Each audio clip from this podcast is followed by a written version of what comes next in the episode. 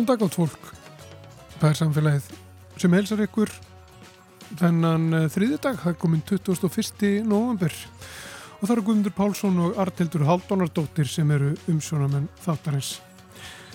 Við ringjum vestur á fyrði á eftir og tölum við Þorstein Másson hann er frangatastjóri Bláma í Bólungarvík en Blámi einbytti sér að nýsköpun í orkumálum og orkuskiptum sérstaklega Þorstein þarf að segja okkur frá verkefni sem snýstum að nota svo kallan segulhittara til að framleiða heitt vatn í Súðavík. Við erum það hér eftir smá stund. Það stemta því að koma upp sorpbrennslu stöðum á Suðvesturhorninu og á Norðurlandi og nýta orkuna sem veru til við bruna úrgangs sem ella væri urðaður til þess að framleiða ramagniða heitt vatn. En er þó mörgum spurningum ósvarað Valgir Pál Björnsson, umkörðis og orku tæknifræðingur hjá Sorpu fjallaði um vinnuna við að koma hér upp sorpbrenslu á degi verkfræðinar sem var haldinn á förstu daginn var. Við viljum heyra í Valgiri um þetta. Pál Líndal, umkörðisálfræðingur, flyttur okkur svo pistil í lok þáttar. En fyrstur á mældarskrá er Þorstein Másson hjá Bláma í Bólungarvík.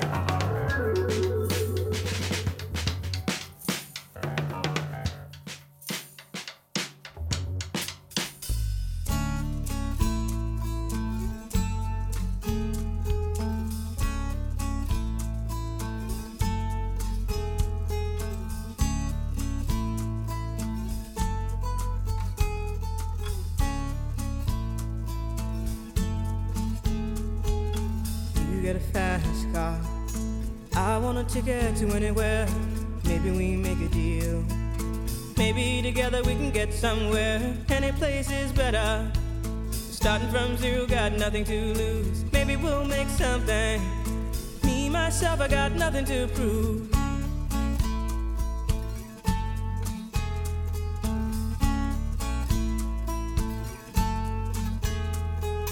You got a fast car. I got a plan to get us out of here. Been working at the convenience store. Managed to save just a little bit of money. Won't have to drive too the border and into the city. You and I can both get jobs and finally see what it means to be living.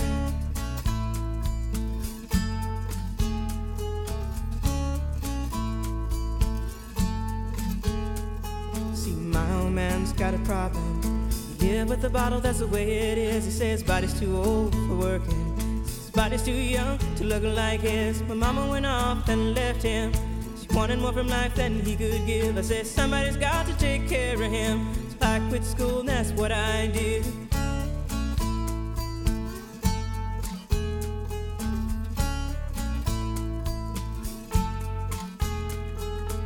You got a fast car. Is it fast enough so we can fly away? We gotta make a decision. Leave tonight or live and die this way.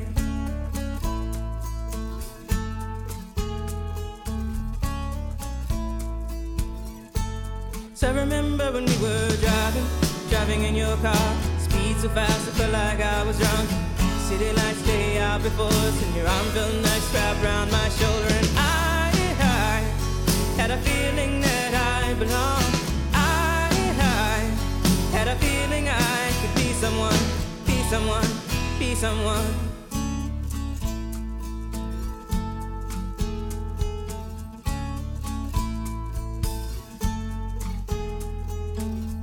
Got a fast car. We go cruise and entertain ourselves. Still ain't got a job. Now work in the market as a checkout girl. I know things will get better. You'll find work and I'll get promoted and we'll move out of the shelter buy a bigger house and live in the suburbs.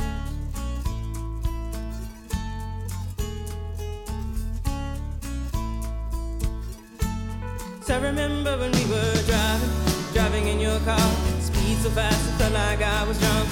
City lights lay out before us, and your arm felt nice wrapped around my shoulder. And I, I had a feeling that I belonged.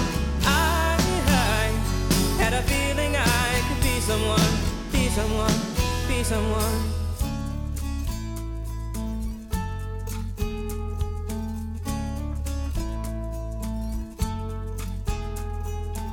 You got a fast car Got a job that pays all our bills. Instead of drinking late at the bar, see more your friends than you do your kids. I'd always hope for better. Thought maybe together you and me find it. I got no plans, I ain't going nowhere. So take your fast car and keep on driving.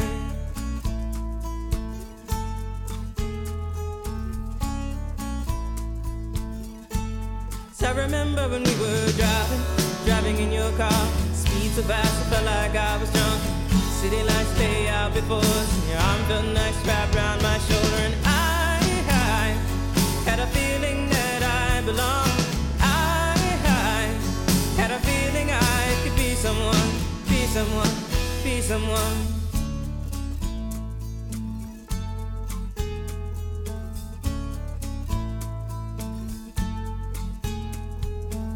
You got a fast car. Is it fast enough so you can fly away? You gotta make a decision. Leave tonight or live and die this way.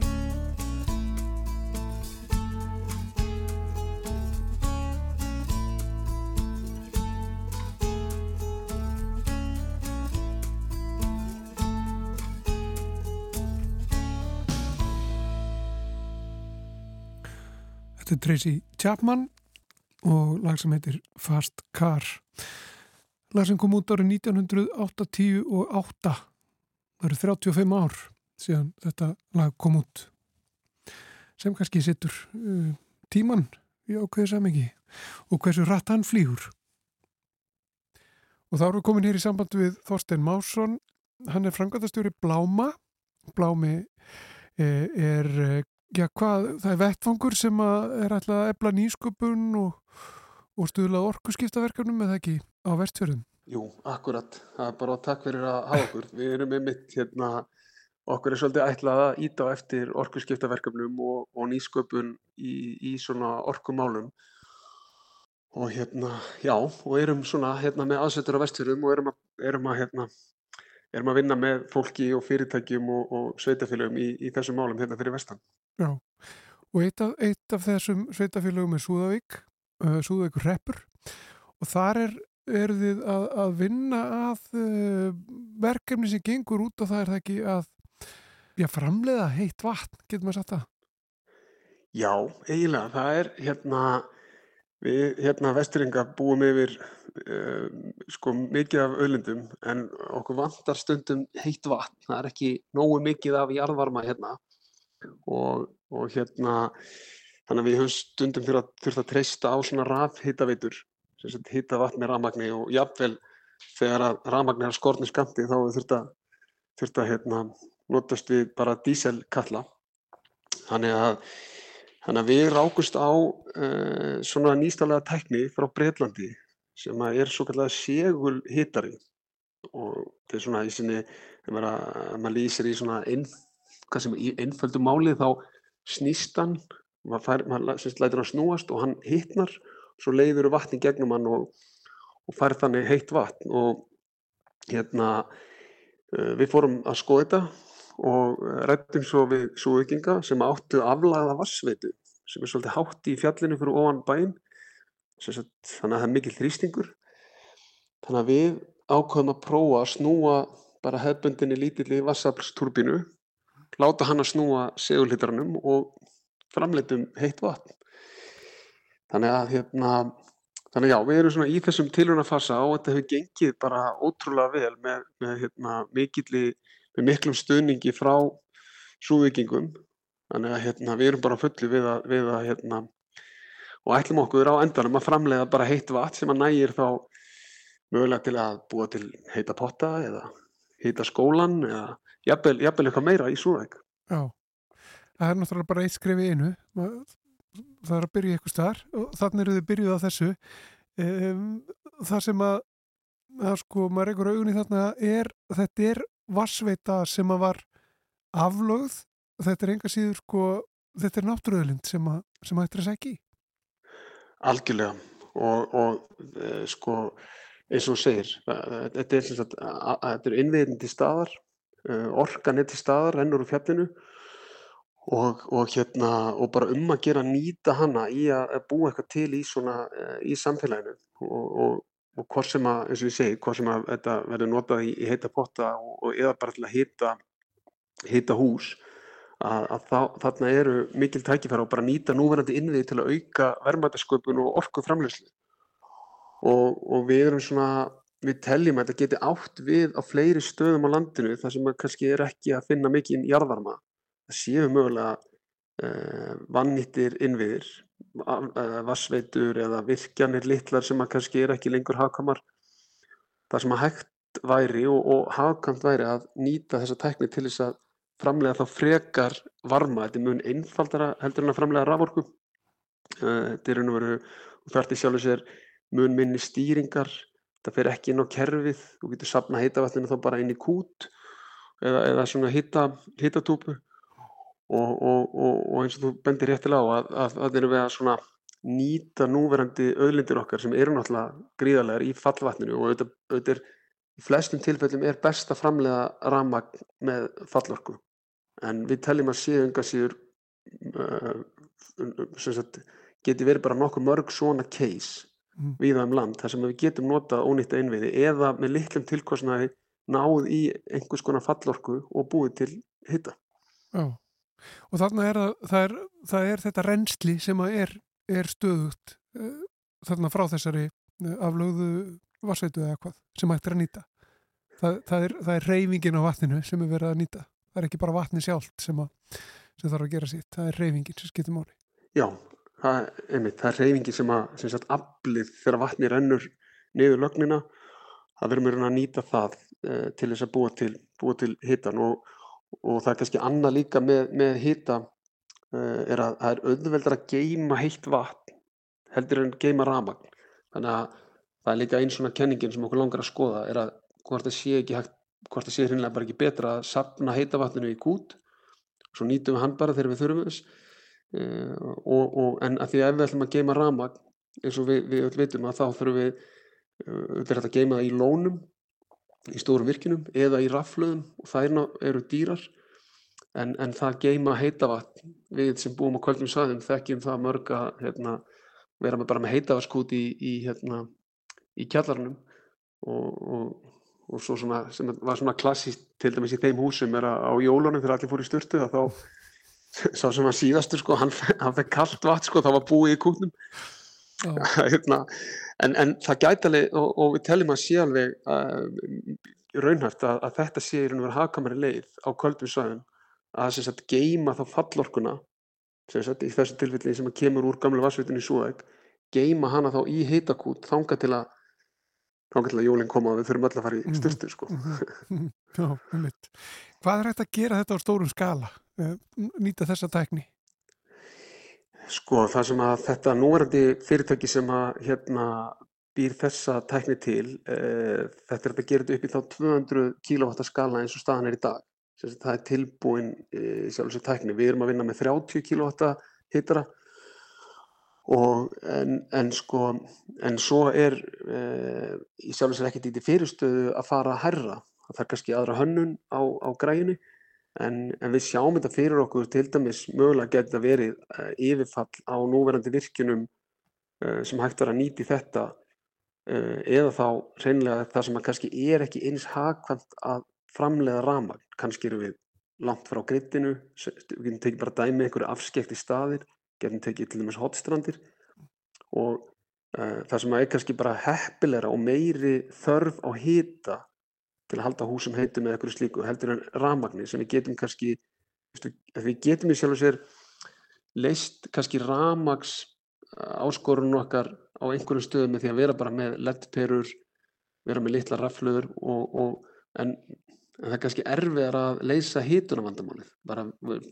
við getum annarkvort á að klæta okkur hitan en við þurfum alltaf ákveðið hitastig. Þannig að þannig að aftur sko það, það er mjög áhugavert að skoða hvort að sé ekki bara kannski margi staði þar sem að e, er hagkamara framlega að hita og jafnvel að gera það með núverandi e, vassorkuverum e, þar sem að við erum kannski með annarkvort yfirfall eða einhvers konar umframflæði og getum svo kyrta inn á tanka sem að við tökum svo út á inn á einhver, einhver kerfi. Og svo getum við jafnvel séð þessa tækni fyrir okkur í vindmjölum þar sem við værum með vindmjölur sem værum með hitarunum þannig að í staðin fyrir að þær snúast og búa til ramagn þá snúast þær og búa til, búa til hita. Þá leiðum við bara hitavatnið upp í hitaran og þetta getur þá verið partur af einhverjum, einhverjum kerfum sem að kannski eru núna að nota ramagn og þá getum við annarkvort spara ramagnið með því að nota þetta til að hjálpa því eða kerfi sem að leiða þessu á, á ólíu eins og við lendum stundum í hérna fyrir vestan því miður. Þá getum við til dæmis dreigð úr ólíunótkun þannig að við heldum að séu fjölda mörg tækifæri sem okkur langar að læra og skilja með því að, með því að prófa þetta í, í Súðavík Eru þá margar lausnir einhvern veginn sem að, sem að þarf að líta til þegar það er hortið þess að ja, til dæmis framlega heitt vatna á, á vestfjörðum það er af mjög skortum skamti eins og segir?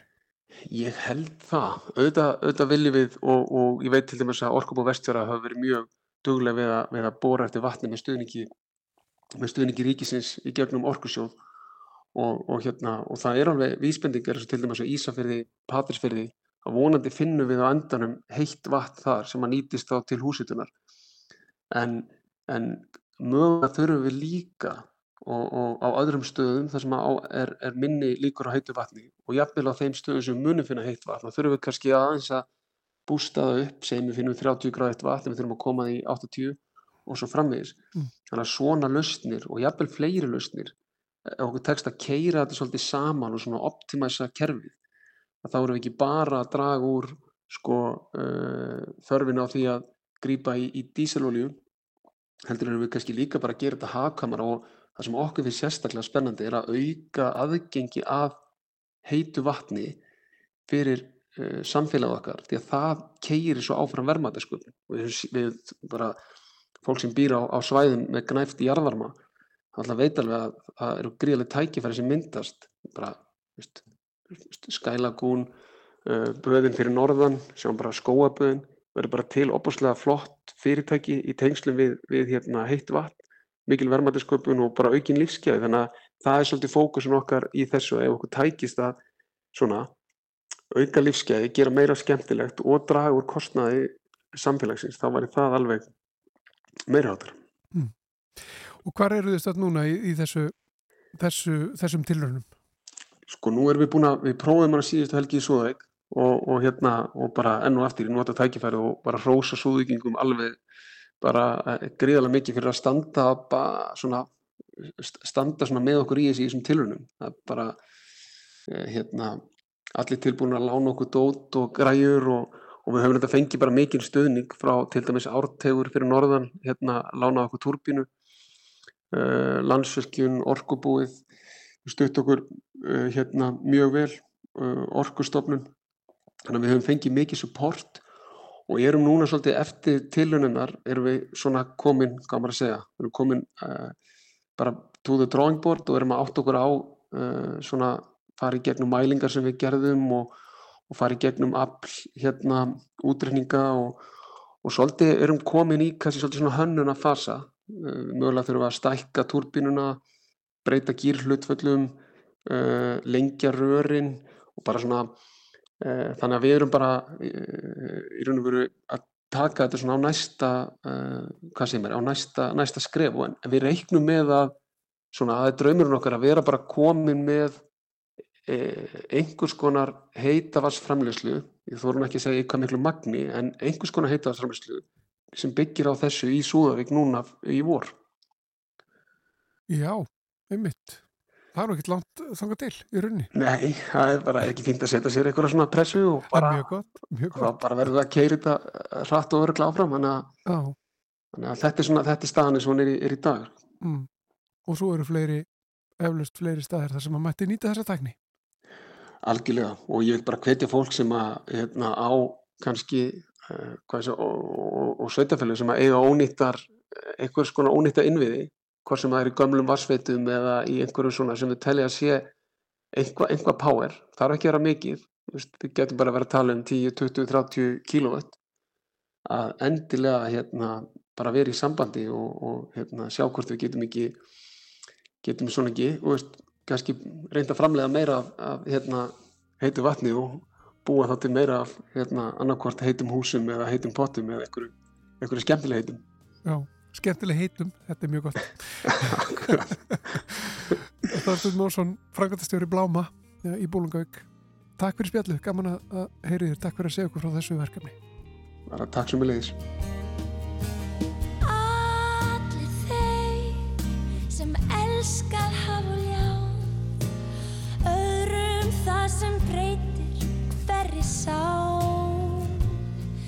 Þekkja þennan grýtt af veg það sem þrautin agaleg þeikir lífsins vilja vandar má. Maður fellur samt flýgur sig ávalt með stígur þessi tilfinning sem engum yfir sást. Er ég hugsað um þig? Hvernig fetum þennan stig þetta flókna fyrir bæri það er ást. Brosandi sólinn og blíkandi regn heldur mér fögnum en ert mér um megn ég er ærður að sjá þú ert alltaf mér hjá. Ást er æði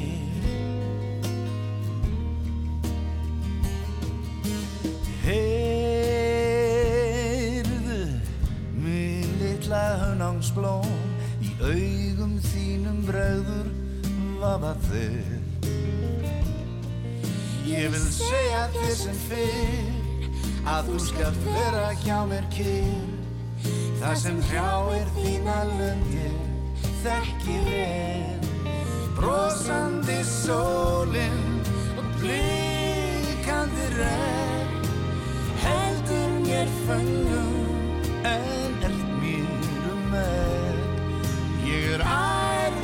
sjá þú ert alltaf mér hjá.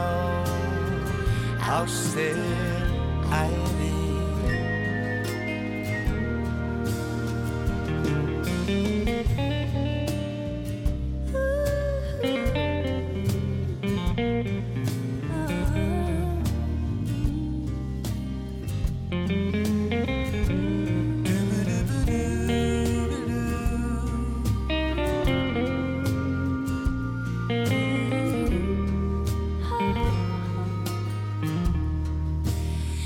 Brosandi sólinn og blíkandi regn heldur mér fengum en ert mér um megn ég er æður að sjá þú ert alltaf mér hjá. Ást er æði. Ég er æður að sjá þú ert alltaf mér hjá ást er ást er æði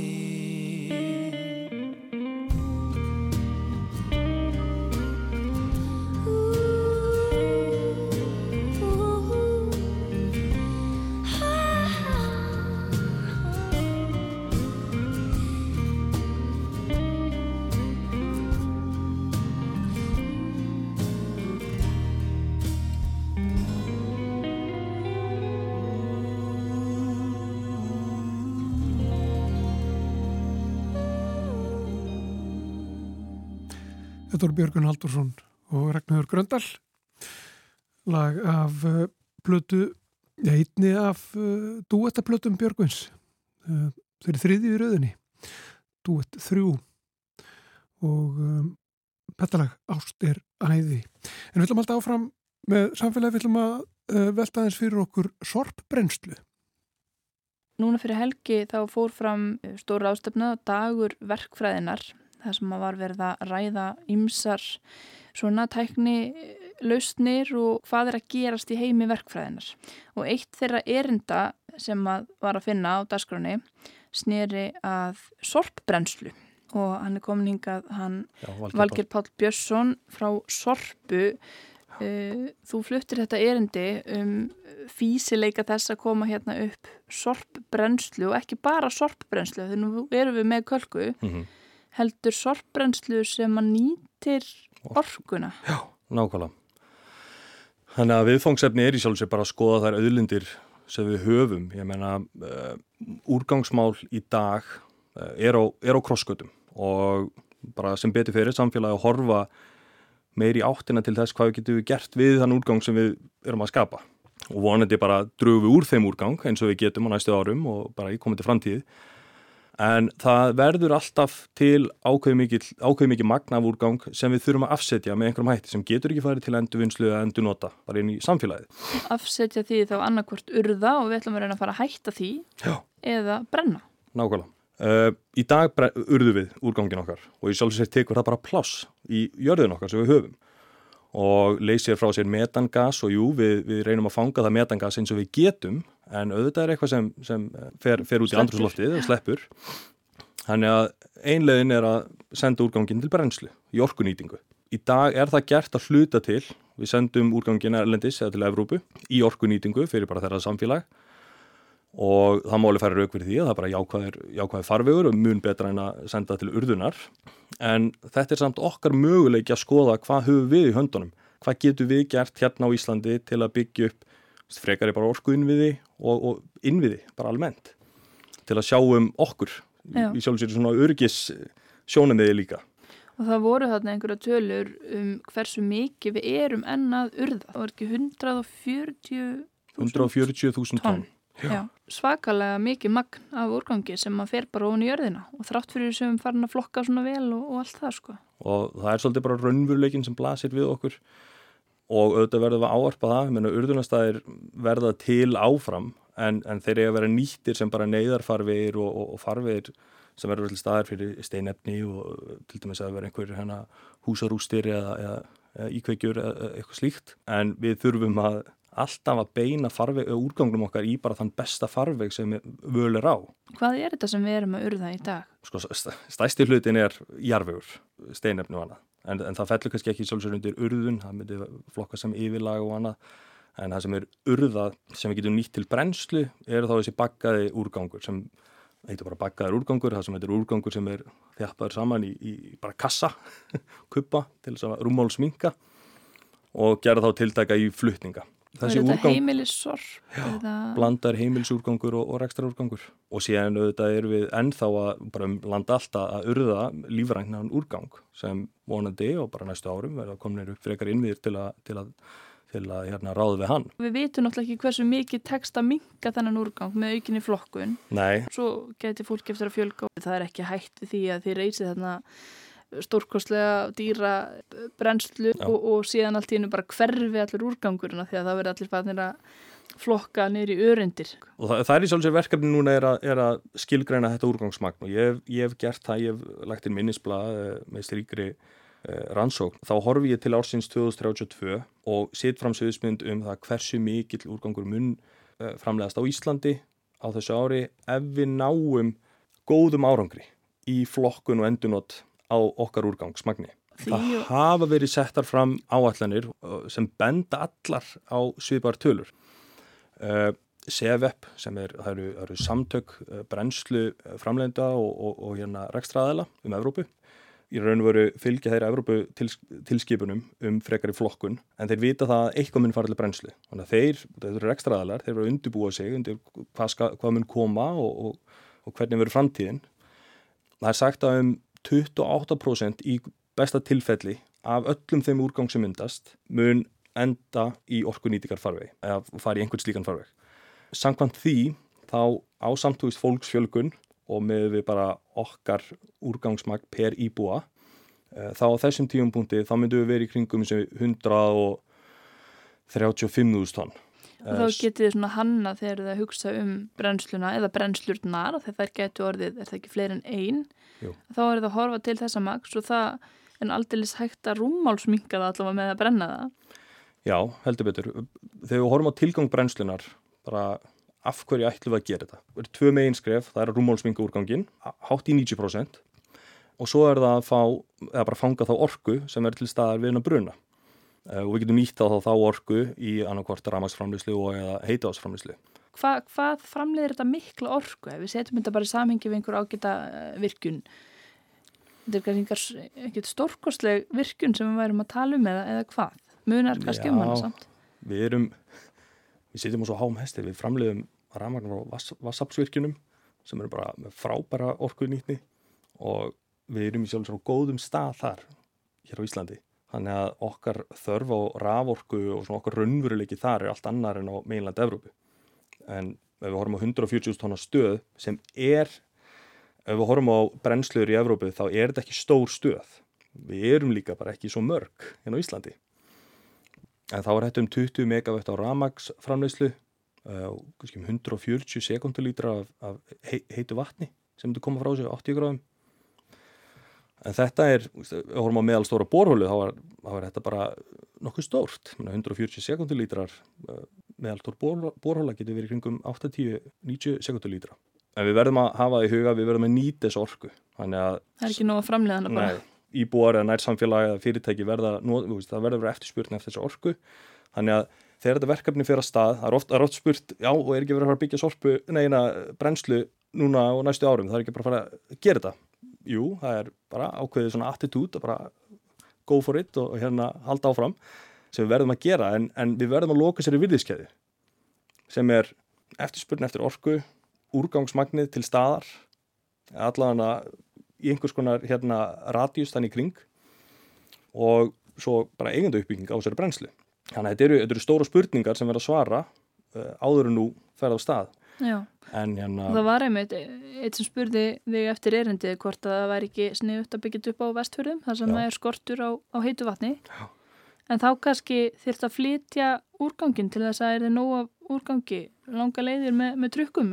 Já, ef, ef það veri staðan og það er einmitt bara, það er sjálf sér spurningar sem þurft að bara svara á því stíð. Um leið og færð, um leið og spurningin að drivkrafturinn kemur þarna minn frá, að vantar orku, þá, og, og sem er bara mjög réttmætt á að fara drivkraftinn þaðan, Herru, við erum hérna fyrirtæki eða samfélag sem vantar orgu, uh, okkar valkostir eru ákveðnir í að fá það orgu og uppbygging brennslu er eina þeim valkostum. Og þá fyrir við bara á næsta steg sem er hvernig tryggjum við þennan úrgang inn í þessa brennslu á ákveðinu verði eða veist, með hagfæmni þannig að það er bara sér verkefni fyrir sig. Þetta er allt, þetta er í sjálf sér uppbygging brennslu er an, bara ennönnur orku uppsprettan í okkar flóru. Við, við höfum þá eitthvað val og, og getum skoða físileikan og allt í kringu það. Að, en þess vegna höfum við að horfa á núna með stóri brennslunni uh, bara Suðvesturlandið þar sem að megin þorri úrgangsinn sem fram, framkallast á Íslandi eða framleiðist á Íslandi er á því svæði. Já, og það verður þá svona einn stór brennsla fyrir all landið Fyrir, já. já, það var fyrst hugsað, á fyrst lagt að stað með það verkefni að skoða eina stóra brennslu fyrir all landið, en í því fælst líka stóra flutningsvegalengdir að Ísland er stórt land af flatamáli. Það er svona mínustegar það ekki ef að þið eru að hugsa um að reyna að vera loslas og umhverfisvæn. Já, það þarf allavega að leiða það al, algjörlega til líkt af hvað, hérna, hvað við draugum þá línu og þess vegna er verkefni í gangi núna að skoða þá uppbyggingu tvekjabrænsla einbrennsla á Nor Norrlandi fyrir þá Norrlandi, Östurlandi og, og, og Vestfjörina jáfnvel uh, og svo önnur stærri á uh, eh, Suðvesturlandinu. Það sem þetta mun gefa okkur er skilning á því hversu, uh, hversu lítil má brennslan vera út af þetta eru tveir gjur óliki pólar á stærð á brennslum. Þannig að þetta, þetta gefur okkur rosalega mikið upplýsingum um hvað getur við gert við vitum alveg, við vitum samt líka í dag að það, eru, það er þróun í, í þá átt að að reyna að koma eh, brennslum fyrir á í raun og að leysa vandamálið þar sem það verður til. Þannig að byggja, byggja brennslur í, í minni skala, í, það má kalla svona modular stærðum. Þannig að þú getur á komið upp fyrir þáðum svæðum sem að úrgangum verður til og ekki þurft að flytja langa vegalengdir. Þannig að það væri kannski skynsalegt næsta skref ef við sjáum að þetta er físilegt, þá er það ok, og hvað, með einhver raunhæfni og fara eins nánar þá í bara hönnun og, og, og forsendur þá, þá væri það einn skoðun Já, og þá vantilega að hugsa um kostnæðin og kostnæðar hagfæmnina og, og allt þetta Algjörlega Og sko hversu langt er þetta komið? Vitu við hverjir ætla að fjármagna þessar, þessar brennslur og svona, hvað eru við að horfa langt fram í tíman? Þetta Eh, ætlar ríki og sveitafélag að koma að þessu að vera út í engaegu. Þetta eru spurningar sem er verið að spyrja akkurat núna á þessi stíu. Þetta eru stóra spurningar og þetta er, þetta er eina stóru áhættu þáttunum við uppbyggingabrenslu. Er að við viljum gera þetta vel. Viljum byggja eiganda fyrirkomulaði á þessar brenslu með skynsimi. Og horfum á þrjár, bara svona einhverja grunnleiðir, grunnstef að því. Þá er það ok, einhver brensla sem verið byggð upp algjörlega frá engaðilum og bara fjármagna frá engaðila og byggt upp og rekið. Síðan er það einhvers konar PPP verkefni uh, sem er það bara sambland af, af ríkisveitjulöfum og, og engaðilum og svo er það bara ríki og sveitafélag sem bara fjármagna byggja upp og, og reka. Uh, núna í dag er verið að horfa mestuleitinni til einhvers konar PPP verkefni en það þýðir ekki að hvar, sko, hvar hérna, fjármögnin liggur eða hver byggjar hann upp út að það eru marga leiðir að því. Ef við tökum sem dæmi, eh, eitt dæmi er Build Operate Transfer sem er þá engaðili kemur og byggir upp stöð og rekur hana en afhendir svo sveitulegina eigandi hlutarins er þá sveitulegina eða ríkið Svona sem ber ábyrð á hlutnum. Það hefur alveg verið áhuga, ég, ég, verið, ég hef setið fundi með, með áhuga sem aðilum lánastofnunum og slíku sem, sem finnst það áhugart verkefni en það þarf að bara ganga skrifni lengra til að tryggja rekstraröryggi. Mhm. Þannig að það er svona okkar verkefni þessu stíi. Ég er bara komist alltaf skrifið lengra.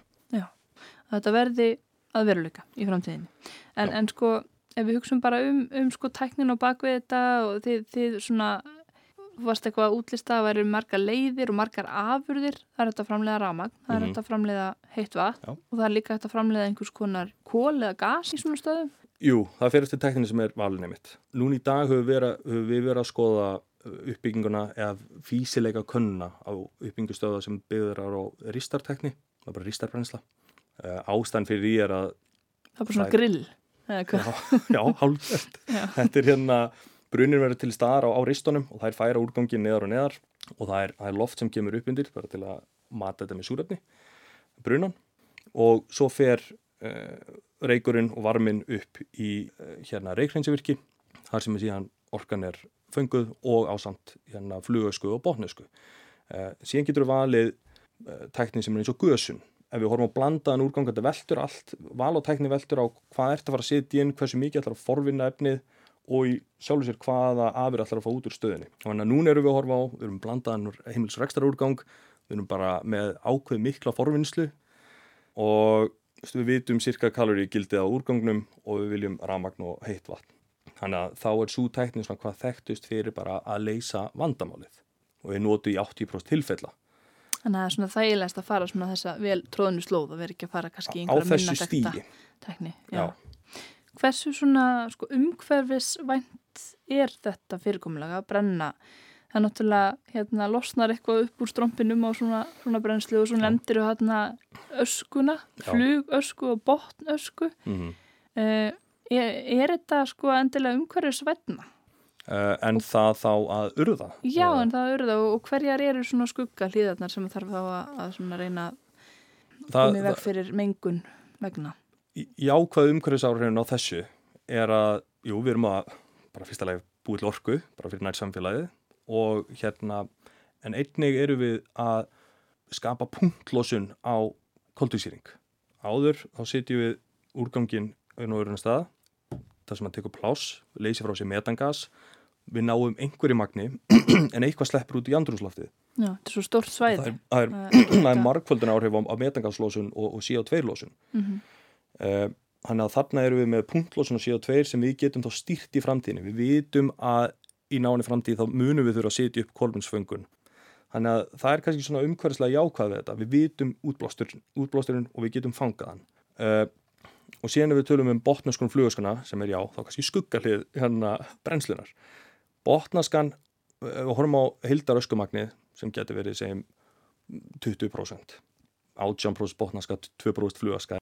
Botnaskan, hún ætti að vera nýtt í þinnað aftur. Þannig að það er stærsti hluti öskunar. Þannig að Það var í okkar markmið er að koma inn aftur. Þingsta askan eða hvað? Já, hún, hún fellur bara strax til, þetta er svolítið bara kól sem falla bara strax til úr brunanum. Flugaskan, hún fer með uh, varmanu upp í þá, þetta, er rosalega fín aska, hún, hún inniheldur þungmálmana og hættöfni sem, sem fangast í reikrænsvirkjunu. og þessi flugaska er þá skilginn sem hættuöfni og hún þarf að vera flutt, hún getur ekki verið sett á urðunastað, hún þarf að vera flutt í námur sem við eigum ekki hérna á Íslandi. Þannig að þetta er svona já, ef svo mæti kalla skuggalið brennslunar en ég veit það, ég, ég, ég farið á heimsótt þessa slíka námu Já, hver er þessi náma? Uh, Langauja, Nóri og verkefni þeirra er að byggja upp þessa eigu, Langauja, aftur og uh, skilinni tilbaka til samfélagsins Þannig að þetta er farvegur sem við þurfum bara að vera trygg á þegar við byggjum þessa brennslu, kominum upp.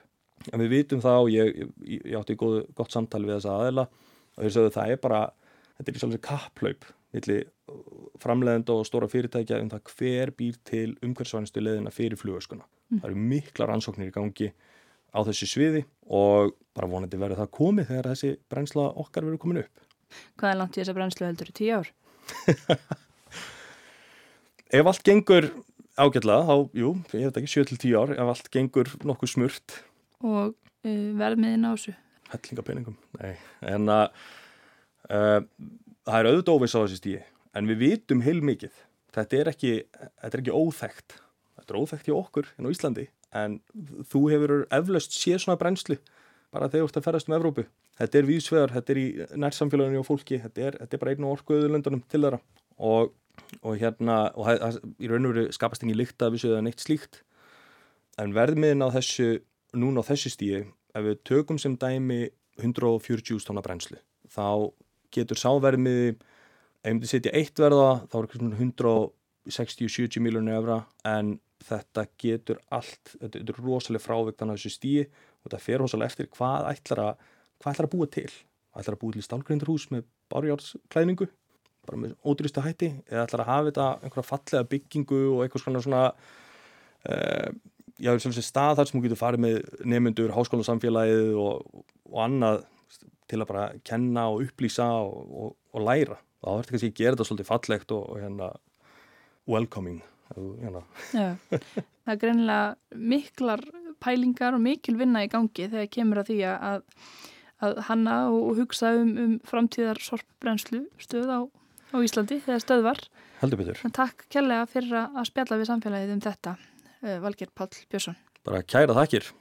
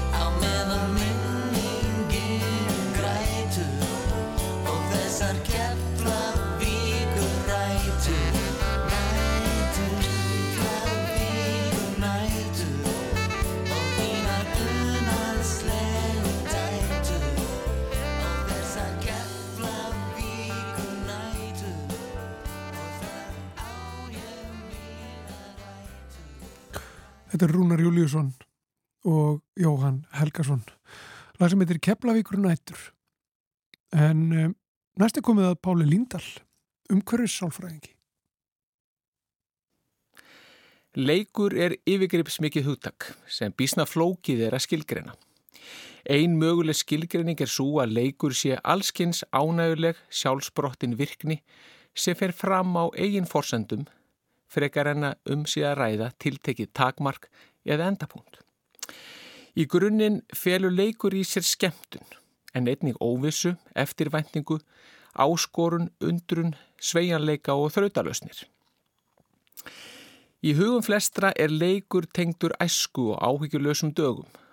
Já, leikur er hollur og mikilvægur fyrir börn en af einhverjum ástæðum virðust við með auknum aldri glata þeim hæfileika að leika okkur. Við sem samfélag virðumst einni hafa minni áhuga á áhrifum leiks á líf okkar eftir því sem við eldumst. Jável strax á úlingsárum dvínar þessi áhugi. Ekki bara hjá okkur persónlega heldur hjá samfélagin í heilsinni. Krafanum að fullornast og haga sér í samræmi við það, hún eikst. Það er því ekki skrítið að miklu minna sé vitað um áhrif og mikilvægi leiks fyrir fullorðið fólk en fyrir börn og úlinga. Á fullanins árum er leikur gernarsæður ákveðin létt út en ekki nöðsynlegu þáttur veliðanar og lífskeiða. Kanski frekar nokkus konar andstæða vinnu. En það er ekki allir þessarar skoðunar og eitt þeirra er sálfræðingurinn Mikali Csikszentmihalyi sem væri farabróti jákværar sálfræði en hann vil hugsa leik sem flæði sem ástand þar sem við erum algjörlega niðursokkin í tiltekið viðfóksefni sem mætir fullkomlega hæfn okkar. Með öðrum orðum er viðfóksefnið í senn hæfilega auðvelt og hæfilega erfitt, sem sé skemmtilegt. Csikszentmihalyi segir þetta vera kjarnan í leik fullorðina. Í bókinni Play Matters eða Leikur skipti máli sem kom út árið 2014 segir Mikael Sikard, dósend við upplýsingatækni háskólan í Kaupmannhöfn, að leikur hafi tilgang fyrir fullorna. Hann segir leik vera aðferð til að taka þátt og tjá tilveru okkar. Hann segir leikin gegna líki hlutverki. Því gegnum hann upplifum við heiminn, við smíðum tilveru okkar og rýfum hana niður, við könnum hver við erum og fyrir hvað við stöndum.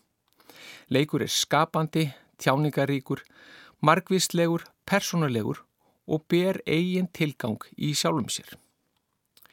Leikurinn er því mikilvægt ferli því að skapa blómstrandi samfélag og innihalsrikt líf og þess vegna er hann mikilvægur áhrifatháttur andlegrar veliðanar, að minnstu kosti hugmyndafræðilega séð. En hvað segja rannsóknir? Jú, rannsóknir sem engum hafa beinstað börnum og úlingum hafa sínt fram á ávinning leiks fyrir andlega helsu og þar spilar umhverfið stóra rullu. Þess vegna þarf við hönnun og mótun umhverfis að huga að þessum þætti. Það er nefnilega mikilvægt að leika. Í borgarumhverfi nútímans getur hönnun í þáu leiks tekið á sig margvíslega form. Leikvellir, skólalóðir, almenningsrými, almenningsgarðar, götur og torg eru allt dæmum slíkt og bjóða upp á skipulegan leik til dæmis í þartilgerðum leiktækjum. Í flestum tilvikum hefur aðstöðu til leiks verið komið fyrir í sérútbúnum svæðum sem aðskilnir frá öðrum svæðum sem annars konar virkni fer fram. Þessi tilhögun er auðvitað ekki tilkomina ástöðu lausu þar sem að umhverfi og aðstæða til leiks hefur kúvenst á undaförnum árum og áratúum. Þar sem tækifærum til leiks utandira hefur fækkað verulega á sama tíma og frambóð og aðgengi að stafrætni leiktækni og samfélagsmiðlum hefur markfaldast. Sem dæmi síndi breskaransókn frá árunni 2012 að flatarmál leiksvæðis barna kringum heimilið sitt hefði dreyjist saman um 90% frá því sem var á nýjunda áratug síðustuðaldar. Hefur þetta dvínandi frjálsræði barna og úlinga til leiks og dvalar utandira samfara auknum skjáttíma verið tengt með beinum hætti við aukið þunglindi og kvíða hjá þessum aldursópum. Niðurstöðu sem þessar hafa vakið aðtikli og ítt við mörgum bæði stjórnmálafólki en ekki síður vísindafólki. Í bókinni Restorative Cities sem kom út árið 2021 segja þær Jenny Rowe og Leila McKay að bera mig í kennsl á þrennskonar einkenni leikmiðarar borgarhönnunar. Nefna þær stöllur reynd leiksamengi eða pure play context fyrstir sögunar. En það eru aðstæður þar sem finna má tæki og aðstöðu beinilis ætlaða til leiks. Þetta eru leikvellinir, algengasti og þekktasti vettvangur leiks í borgarumhverfunu. Þar má finna fjöldaframleit leiktæki fyrir börn þar sem leikurinn er rammaður inn. Á síðustu árum hefur reyna leiksamhengið verið vikað út meðal annars til að mæta þörfum fleiri aldurshópa og hefur því best við aðstöða til tennisiðkunar, fótbolta og korfubólta að ógleimdri tablaðstöðu svo eitthvað sé nefnt. En þráttur auki frambóð innan þessara svæða hefur vísinda fólk um langa hríð kallið eftir annars konar aðstöðu til leiks. Aðstöðu sem býður upp á meira frjálsræði og margvísleiri tækifæri til skapandi aðtapna sem veitt getur ríkulegri upplifun og reynslu. Róa Mackey segja því annað einkenni leikmiðarar borgarhönnunar vera leikheft samengi eða playable context. En þar er um að ræða aðstæður sem ekki eru beinlinis hannaðar með leiki huga en búa yfir næjanlega fjölbreyttum innviðum til þess að íta undir og styðja við leik. Í þessum aðstæðum er gjarnan að finna listaverk, gósbruna, lítilgræn svæði, svo kallaða vasagarða, en einnig auðar og óbyðar lóðir. Vísinda fólk hefur um áratugaskeið tala fyrir nöysinn þess að börn og úlingar hafi möguleika á leik í náttúrulegu umhverfi. Að þau skapið tengsl við náttúruna sem svo aftur hefur jákvæð hilsufarsleg áhrif í förmið sér. Ennfremur hefur verið bent á mikilvægi þess að börn og úlingar fóið tækifæri til að rannsaka og kanna borgarumhverfið upp á eigin spýtur. Að í borgarlandsleginu seti veitt sveigrum til leikja og uppgötana. Í þriðja lægi nefna Róa Mackey óakveðið samhengi eða non-determined context sem eru aðstæður sem bjóð upp á margvíslegan leik án þess að gefa til kynna á hvaða forsendum leikurinn skuli fara fram. Leikurinn skal einfallega þróast upp úr aðstöðunum. Slíkt getur falið í sér viðburði af ýmsu tægi, listsköpun eða pólitískan aktivisma sem er rýrt eða reyðilað getur ríkjandi hugmyndum um hvað tiltekið borgarumhverfi stendur fyrir og kalla fram borgarlegar aðgerir, upprist og eða jafnvel mótstöðu. Þekkt dæmi um leikandi uppreist eða Playful Rebellion er Heidelberg-verkefnið í MacDougall Hunt hverfinu í austurluta Detroit sem listamæðurinn Tæri Gæton hófa skapa árið 1986 og sæði vera tólkun sína á hnignun borga. Verkið sem flokkamá sem borgarlistaverk fólst í því að Gæton, afi hans og krakkar í hverfinu tók að reynsa auðar lóðir við Heidelbergstrætið sem sannarlega mátti á þeim tíma muna sinn fívil feguri. Og afrakstur reynsunastarfsins nýtti Gæton til að breyta yfirgjafnum húsum og lóðum í listaverk. Hús og tré voru máluð í öllum repp og hans litum og á þau fest, dekk, bílhutar, uppstoppuð dýr, leikfung, riðguð heimilistæki og sittkvað fleira úr hinnu kvestaslega lífi. Leiksvæði listamannsins virti engin mörg, heldur tegði verkið arma sína, milli húsa, eftir gangstjættum, út á götu, yfir bílastæðu og græna bletti og utanum tré. Með tímanum varð Heidelbergstrætið að einu stóru síbreytilegu listaumhverfi umdelt fyrirbæri sem margir vildu burt. En leikurinn, list Tæri Gæton, helt velli. Heidelberg-verkefnið tók að draga sér gesti og árið 2016, þegar verkefnið fagnaði 30 ára afmælinu, voru þeir taldur um 200.000. Þetta sama ár ákvað Gæton að verkið skildi teki niður, stykki fyrir stykki með mjög kerfisbundnum hætti og á sama tíma tæki við næsti fasiðes Heidelberg 3.0 þar sem samfélag inblásið af listum tæki við af innsetningum eins manns. Með aðtæfi sínu, þessum leik sínum, þessari umbyltingu á umhverfi sínu, tóks listamanninum við Heidelberg stræti í Detroit að snúa hnignandi þróun æsku umhverfi síns, umhverfi sem hann unnir heitt yfir í viðfeman leikvöld listar og sköpunar. Leikurinn getur því gert kraftaverk. Takk fyrir í dag. Leikurinn getur gert kraftaverk, saði Pál Líndal, umhverfis sálfræðingur í sínum pistli og þannig ljúkum við samfélaginu þennan þriðudag. Guðmundur Pálsson og Arnildur Haldunadóttir þakka fyrir sig. Við heyrumst á morgun. Verið sæl.